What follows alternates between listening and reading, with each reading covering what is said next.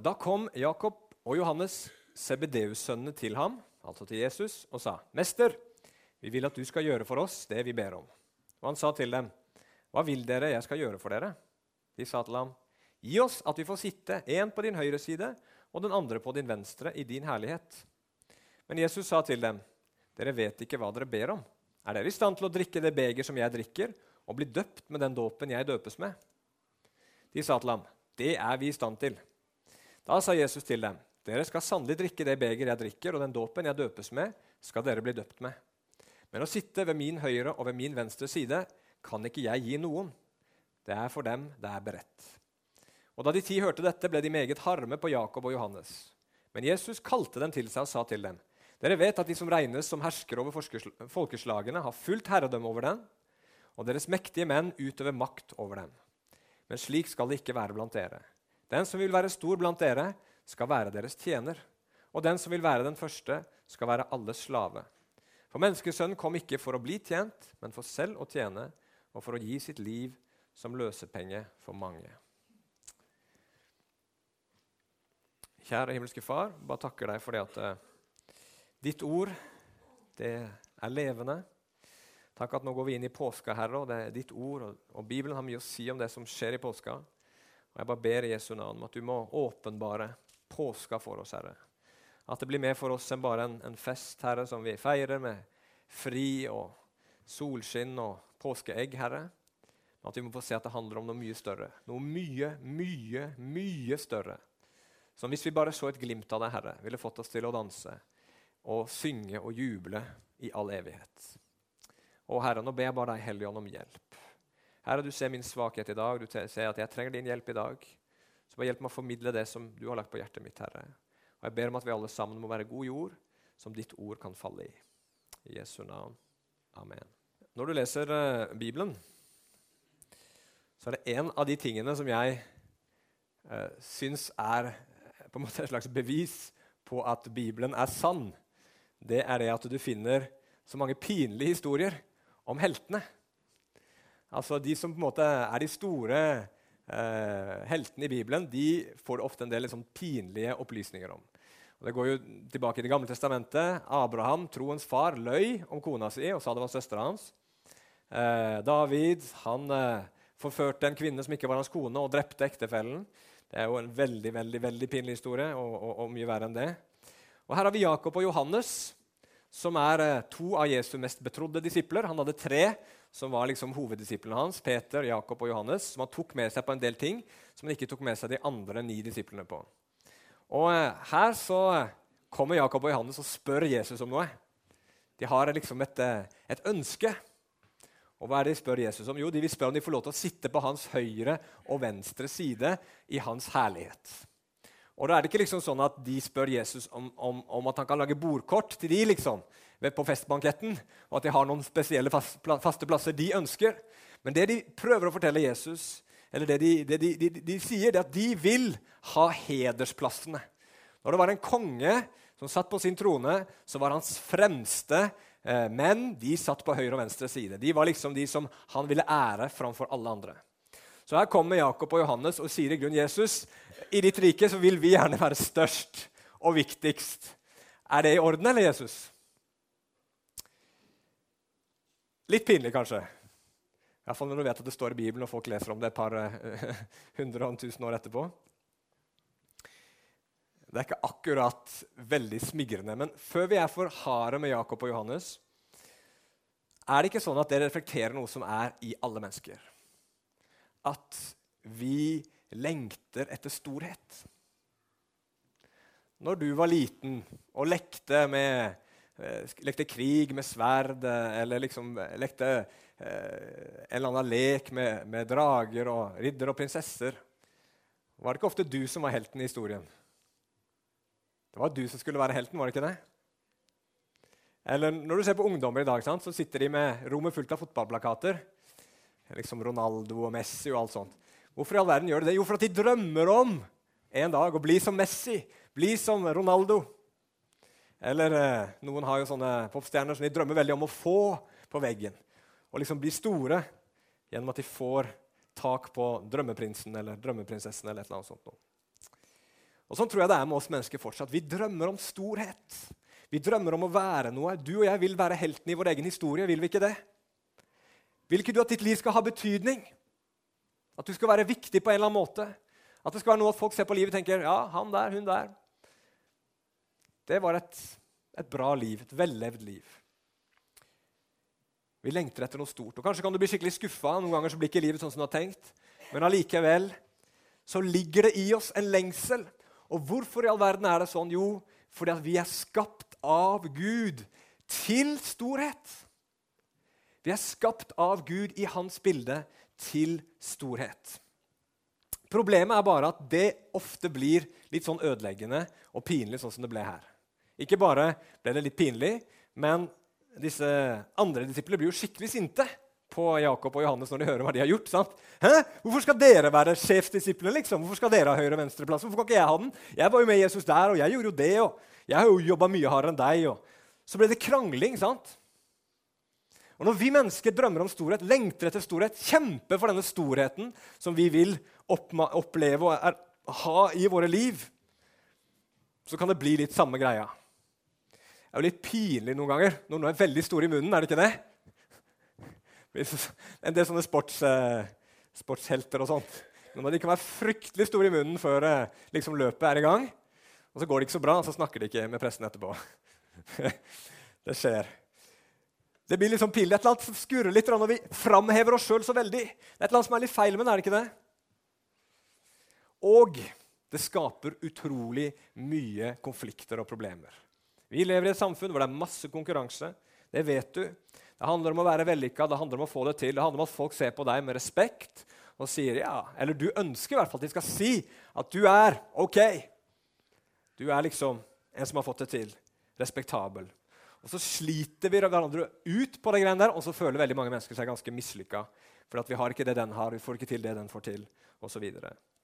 så vi er skapt for storhet. Men det funker ikke så veldig bra. Men så sier Jesus tror jeg, det samme til oss. Skal vi se. Første poenget mitt var skapt til storhet, forresten. Så sier Jesus til disse disiplene det samme som jeg tror han sier til oss. Dere vet ikke hva dere ber om. Når vi ber om å bli store, når vi ønsker at våre liv skal bli store, så vet vi ikke helt hva vi ber om. For vi vet ikke hva sann storhet er. Det er det første. Og vi vet heller ikke veien dit. Og det begynner Jesus å forklare. Det er punkt nummer to. Veien til storhet. Vi tenker, tror jeg, litt sånn som disiplene tenkte, at det er de som har lyktes i livet, som er de store.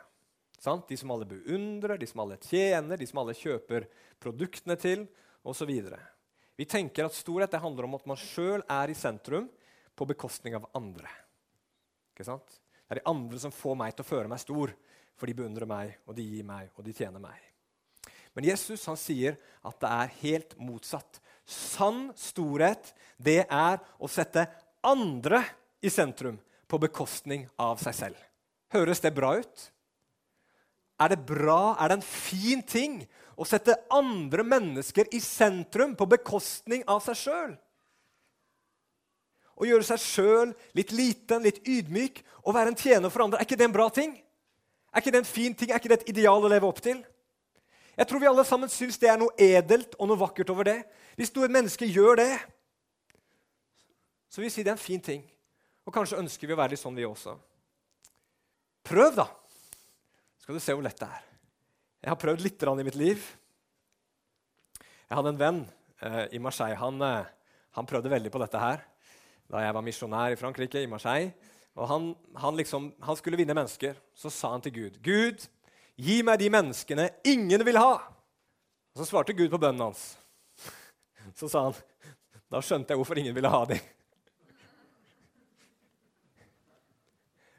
For det å være en tjener for andre mennesker, det å sette andre mennesker i sentrum, det høres utrolig fint ut, og det er edelt og det er fint. Men med en gang du skal gjøre det, så merker du at det ikke er så enkelt. Hvis du skal begynne å tenke at du skal tjene mennesker i bønn Det er en fin ting å gjøre. Begynne å be for mennesker. Så merker du hvor lett det er å bare skippe den bønnen. Kanskje tenkte du skulle be om morgenen, men dyna var så god. ikke sant? Og så er det så krevende. Hvis du tenker at du skal invitere en asylsøker hjem til deg, og det synes jeg absolutt du burde gjøre, så vil du samtidig merke at det ikke er så enkelt. Kanskje er samtalen vanskelig. Ikke sant? Kanskje så, så føler, blir det liksom et øyeblikk hvor du liksom ikke helt vet hva du skal si. Og så føler du deg veldig sliten etterpå. Hvis du vil hjelpe fattige og trengende mennesker, vet du hva som skjer da? Da får du flere problemer i livet ditt enn du hadde før. Du kan oppleve utakknemlighet, du kan oppleve misbruk. Og hvis du prøver å tjene mennesker med evangeliet, så vil du i hvert fall oppleve og, til, og, i hvert fall oppleve at det koster noe. Vet du hva som skjer hvis du prøver å leve et sånt liv som det der? Jo, du begynner å kjenne deg liten. Du begynner å kjenne deg ydmyka. Du begynner å kjenne at du liksom ikke er verdt så veldig mye. Du begynner å liksom minske i dine egne øyne. For her sitter du sammen med en gjeng mennesker som ingen vil være sammen med. Mens her er vennene dine, som er sammen med alle de de har lyst til å være sammen med. Og reise på ferie og ha det kjekt og gøy og gjøre akkurat det de vil. Jeg vet ikke om du har prøvd det. Jeg har prøvd det noen ganger i mitt liv, og noen ganger så føler man seg dum når man prøver å tjene og hjelpe andre. Man føler seg ikke stor. Man føler seg ikke liksom som noe spesielt. Og så begynner det et eller annet å våkne på innsiden. Nei, dette her kan jeg ikke holde på med. Jeg fortjener bedre enn det her. liksom. Dette her blir for krevende, det blir for kostbart. Det var ikke det var ikke det jeg så for meg. Ikke sant? Når du ser noe som ser veldig bra ut, så er det veldig sjelden at det er så lett å oppnå det som du har tenkt. Det koster et eller annet som du ikke hadde forventa. Da jeg var i militæret, det var min korte militære karriere, så fikk jeg veldig lyst til å bli sersjant. Tenkte det må være noe, liksom gå rundt med tre sånne vinkler på skulderen og føle deg litt sånn over de andre, og alle de andre hilser hilse på deg osv. Så, videre. så jeg prøvde meg på det der på sånn befalsskole og greier. Eh, og det så jo veldig herlig ut da, liksom, å, å, komme dit, at du ble sersjant. Men veien dit var jo helt forferdelig. Det var jo grusomt. Jeg holdt jo ikke ut mange ukene, jeg. Fikk jo ikke sove og fikk jo ikke spise. og Måtte jo gå hele tiden. Og. Det var noe elendig dritt. Det var min korte militære karriere. Men sånn blir det hvis du vil følge det som Jesus sier er stort. Så vil du kjenne at det koster mer enn det smaker. Og så vil verden rundt deg si, 'Tenk på deg selv. Vær god mot deg sjøl.' Og liksom, Det viktigste er at du, du, du, du setter deg sjøl i sentrum. Selvtillit og gode følelser rundt deg selv. Da blir livet ditt bra. Helt mot det Jesus sier. Hvem i all verden skal vi tro på, da? Det er jo ikke noe, jo ikke noe kjekt å være tjener og slave, er det det? Er det noen som satt det liksom øverst på ønskelista si når de, noen spurte hva skal du bli når du blir stor? Men Jesus sier det er sånn du blir stor i Guds rike. Kan vi stole på Jesus? Er et sånt liv i det hele tatt mulig? Å leve for andre og ikke sette seg selv i sentrum hele tiden. Er det mulig? Det fantastiske med Jesus er ikke at han er en mann som går rundt og bare krever masse ting av folk. Og sier du må gjøre sånn, og du må gjøre sånn, og du må gjøre sånn, og du må gjøre sånn. Jesus, han er en mann som kom og levde for oss sånn vi skulle leve. For det er jo ingen av oss som klarer å leve sånn. Vi vet jo at det er riktig å tjene og gjøre godt, men vi klarer det ikke. Når vi ser på Jesus, så ser vi korsets storhet. Han sier det jeg sier til dere, er ikke bare liksom en eller annen teori jeg har, men det er det jeg kom for å gjøre. Jeg kom for selv å tjene, ikke for å la meg tjene. Han er universets konge. Han kunne fått alle til å tjene han. Han er vant fra evighet at engleskarer tjener han. Så sier han jeg er ikke kommet for å la meg tjene, men jeg er kommet for selv å tjene og gi mitt liv som løsepenge for mange. Og han snakka om det ikke bare som en, en, en, jobb han måtte gjøre, men som et beger han måtte drikke, og som en dåp han måtte dø, døpes med. Han sa, 'Kan dere drikke det beger jeg må drikke?' 'Kan dere døpes med den dåp jeg må døpes med?' Jesus, han begynte i menneskelig storhet på palmesøndag. Alle jubla nesten. Hele Jerusalem var begeistra. Her kommer Messias, nå blir det orden på sakene. De vifta med palmegreinene. Jesus kommer. Men så gikk det steg for steg for steg. fra at menneskene ga han ære, til at ingen ga han ære. Til at mange var med han, til at ingen var med han. Først gikk han inn i tempelet, rydda det og liksom heiv ut de som solgte, og som sikkert var helt vanlige menn og, og kvinner som drev og gjorde jobben sin, sånn som deg og meg. Men det skulle ikke skje i tempelet. Noen ble litt irriterte på han. Så begynte han å konfrontere de religiøse lederne. Så bøyde han seg ned og vaska disiplenes føtter på torsdagen. Så Peter sa nei, nei, nei, nei, nei. Det der er under din verdighet, Jesus. Og så Etter at han hadde vært sammen med disiplene og, og, og, og spist måltidet, så gikk de til Getsemane, en hage hvor de satt og ba. Og Jesus ba. Og den herligheten som, som vi så der på Palmesøndag, den var helt vekke. Jesus han hadde det så vondt at han svetta blod. Så smertefullt var det for Jesus å skulle tjene og skulle komme og gi sitt liv som en løsepenge for mange. Og Disiplene orka ikke å henge med. Og Til slutt så kom det en gjeng soldater for å ta Jesus til fange. Han var et for stort problem. Og da svikta de alle sammen. Så havner han foran Det høye råd. Han blir eh, dømt skyldig. Han havner framfor Pilatus, den romerske myndigheten.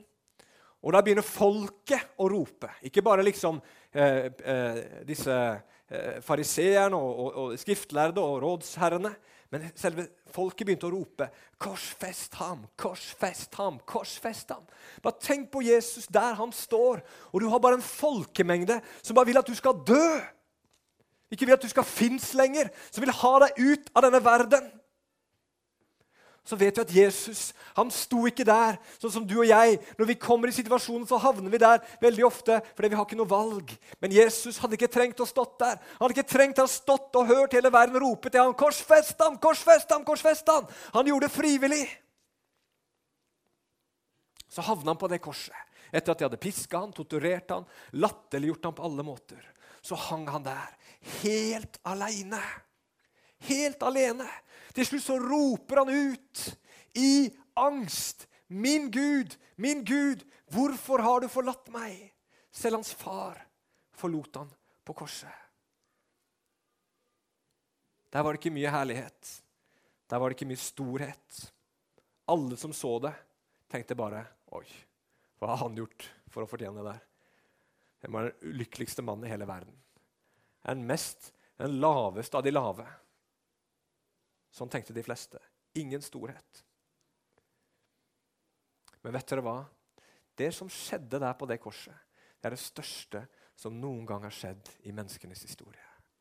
Det er det største som noen gang har skjedd. At Jesus ga sitt liv for deg og for meg som en løsepenge. Vet du hva? Er man, når er det man trenger løsepenger? Jo, når noen er gissel. Ikke sant? Når noen er fanga. Og det kreves at det betales for at den personen skal bli fri igjen. Og du vet, Vi var gisler. Alle mennesker er gisler. Vi er gisler under krefter som er sterkere enn oss selv. Synd og djevelen og dommen som en dag skal falle på våre liv. Og det er krefter som vi aldri kan komme oss fri fra. Og det eneste som kunne betale for det, det var Jesus på korset med sitt blod. Han straffes for, for oss. Vi som har gjort ondt, vi som har synda, vi som har gjort opprør mot Gud, vi som har gjort alt det vi ikke skulle gjøre. Og så er det han som har gjort alt han skal gjøre, som straffes i vårt sted. Hvorfor i all verden gjør han det? Jo, han gjør det for det, er det første, for det første fordi han vil tilgi oss. Han vil tilgi oss alle våre synder. Han elsker ethvert menneske, og han vil vaske ethvert menneske rent med sitt blod. Så vi kan stå foran Gud uten å skamme oss, stå foran verden uten å skamme oss og få evig liv. Og hva mer er? Han vil forandre oss. Han vil forandre vårt hjerte. Han vil gjøre oss helt nye og annerledes på innsiden. Er det stort? Han vil gjøre oss store gjennom selv å bli liten. Det er stort. Det er stort, Men det ser ikke stort ut. Det ser fryktelig svakt og elendig ut når det skjer. Men så går det tre dager, eller to og en halv, eller litt, i hvert fall så er det på den tredje dagen at Jesus står opp igjen. Og da blir det synlig for hele verden. hva Jesus virkelig har gjort. Han blir reist opp fra de døde som seierherre over døden, over synden, over djevelen, over alt ondt. Hans storhet blir plutselig synlig. Og så får han navnet over alle andre navn, står det i Bibelen. Hva var det Jesus gjorde? Og Jesus han satte ikke seg selv i sentrum, men han satte Gud, sin far, og oss i sentrum for sitt liv. Og så gikk det på bekostning av han. Det var han som måtte tjene. Det var han som måtte lide. Han drakk Guds vredes beger. Han ble døpt med dommens forbannelse. Han ble en tjener. For han satte oss i sentrum og tenkte ikke på seg selv og sine egne behov. Hvorfor det? Fordi han ville gi oss den storheten som vi også ble skapt til. Og Det står i Bibelen at du er kalt til en storhet som kan sammenlignes med solen som skinner. Det står, Jesus sier da skal de rettferdige skinne som solen i sin fars rike den dagen Jesus kommer tilbake. Men da må vi gå med ham på korsets vei. Akkurat som Johannes og Jakob fikk høre. Vet dere hva dere ber om? Vil dere ha den sanne, ekte storheten? Den skal dere få, men da må dere gå sammen med meg på min vei. Drikke det beger jeg drikker, og eh, døpes med den dåp jeg døpes med. Ikke at vi skulle dø på samme måte som Jesus, som døde for oss. Men at når du følger Jesus, så følger det en lidelse med det også. Det er en korsets vei som vi også må gå på. Vi må som kristne begynne å gå på den veien hvor vi setter Gud og vår neste i sentrum på bekostning av oss selv. Høres det kjekt ut? Får du lyst til å gå på den veien? Får du lyst til å følge Jesus på en sånn vei? Vet dere hva? Det er en vei som er krevende og som er vanskelig noen ganger. Bibelen kaller den for den smale veien. Men det er en vei som er full av trøst, en vei som er full av glede, en vei som er full av kraft, en vei som er full av herlighet, en vei som er full av Guds nærvær. Og så får vi lov til å gå sammen med Gud og bli den vi er skapt til å være. Alt vi gjør som kristne, når vi tjener og blir tjenere, så gjør vi det som en respons på det Jesus allerede har gjort. Det står det i Bibelen. Vi elsker fordi Han elska oss først. Tenk på det.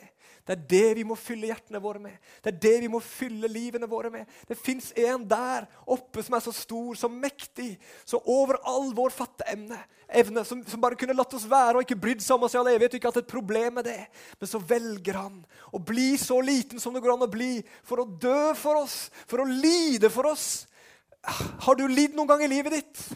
Det har du helt sikkert. Tenk om du kunne få slippe den lidelsen. Gå valgt den vekk. Alle hadde valgt den vekk. Hadde vi ikke det?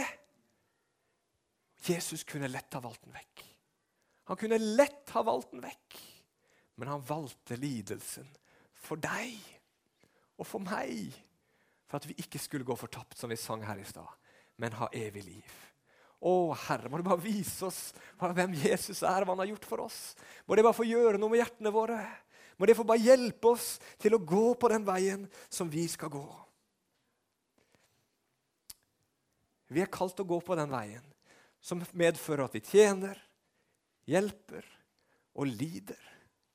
Og når vi gjør det, så sier vi noe fantastisk til verden som blir til Guds ære. Når du lider for Jesus sin skyld, da sier du til verden Jesus er bedre enn et liv uten lidelse. Når du går gjennom tøffe ting pga. Jesus, Kanskje har du det vanskelig eh, i, i, i, familien din. Kanskje har du det vanskelig på arbeidsplassen din. Og du, og, og du, kunne valgt en enklere vei, men du vil velge den riktige veien. Og du lider for det. Så sier du Jesus er bedre enn et liv uten vanskeligheter og lidelser. Kjære brødre og søstre. La oss velge den veien. La oss gå der hvor Jesus vil vi skal gå. Det er ikke alltid en enkel vei. Det er ikke alltid den liksom strake motorveien vi skulle ønske vi fikk til himmelen. Hvis vi kunne velge. Men la oss bare se på Jesus. La hans kjærlighet forfylle oss. Og så kan vi si til verden at Jesus er bedre enn et enkelt liv. å følge han er bedre enn at alle applauderer, alle blir glad, alle liksom vil ha oss på laget sitt. La oss si til verden at Jesus han er det beste som fins. Amen. Nå skal vi feire påske. Nå skal vi feire at han kom for å tjene oss. Han kom for å gi sitt liv som løsepenge for mange. Alle dere som sitter her, alle mennesker i verden. Jesus har gitt seg selv. Og det er utrolig, ufattelig, men la oss la det synke inn. For det er bare sånn du virkelig kan følge han. Det er bare sånn du virkelig kan bli stor, ved å gå på hans vei. Amen. Jesus, ja, himmelske Far. Vi er enkle mennesker. Ingenting å skryte av. Men du skapte oss til noe større, Herre, enn å bare gå her nede og leve for oss sjøl. Du skapte oss til noe større enn å bare være verdens største egoister, Herre. Og ikke lykkelig blir vi av det heller, Herre. Herre, du skapte oss for noe fantastisk. Du skapte oss for å være dine barn og for å gå i Jesu fotspor. Så bare hjelp oss nå, Herre, til å la dette korset gripe våre hjerter og forandre våre liv, så vi kan gå med deg, Jesus, der hvor du kaller oss. Ikke leve for oss selv, men få leve for Han som ga seg selv for oss, elska oss og sto opp igjen til vår rettferdighet. I Jesu navn. Amen.